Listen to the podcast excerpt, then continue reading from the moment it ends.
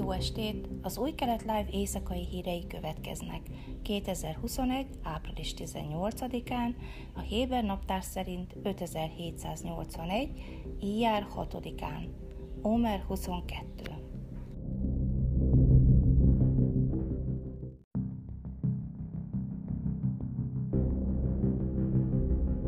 A várakozásoknak megfelelően a legfelsőbb bíróság vasárnap elutasította azt a petíciót, mely arra irányult, hogy megakadályozza a korrupciós vádak miatt bíróság elé állított Benjamin Netanyahu miniszterelnököt a következő kormány megalakításában.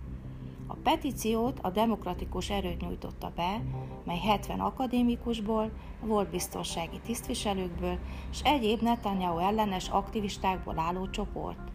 A csoport felszólította a bíróságot, hogy érvénytelenítse Ruven Rivlin elnök döntését Netanyahu kormányalakítási megbízására vonatkozóan, mivel vádemelés alatt áll. A miniszterelnök több ajánlást gyűjtött be, mint bármely más törvényhozó, ezért a három bírából álló testület kijelentette, hogy nem talált hibát Rivlin döntéshozatali folyamatában. Sőt, megjegyezték, hogy az ügy bírósági felülvizsgálatának lehetősége korlátozott, főleg azért, mert a bírák korábban a hasonló petícióknál Netanyahu javára döntöttek, és ezért mindaddig, amíg az ellene felhozott vádakban nem születik ítélet, a hatályos törvény nem teszi lehetővé a bíróság számára, hogy kizárja a miniszterelnököt.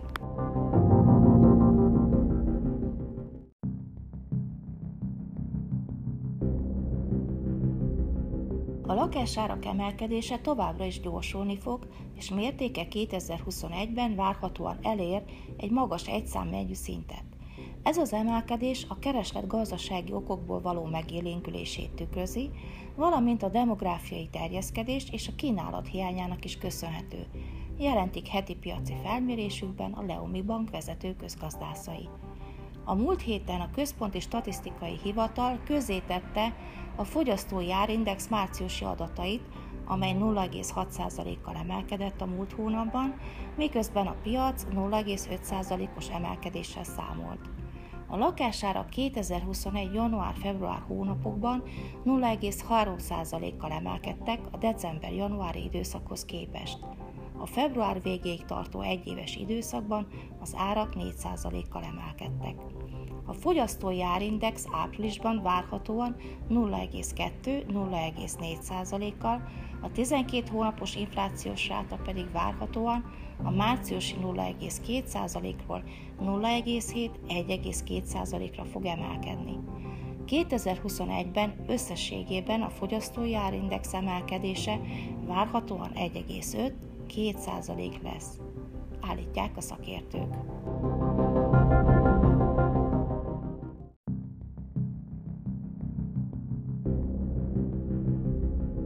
Benjamin Netanyahu miniszterelnök vasárnap találkozott a hadirokkantak szervezetének elnökével.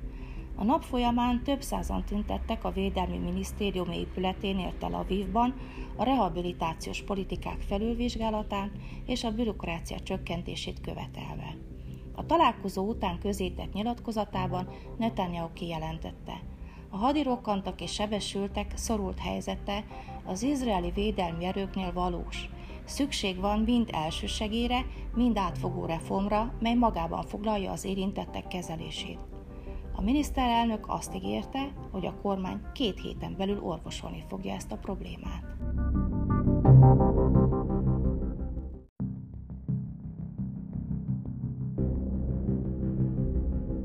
Időjárás.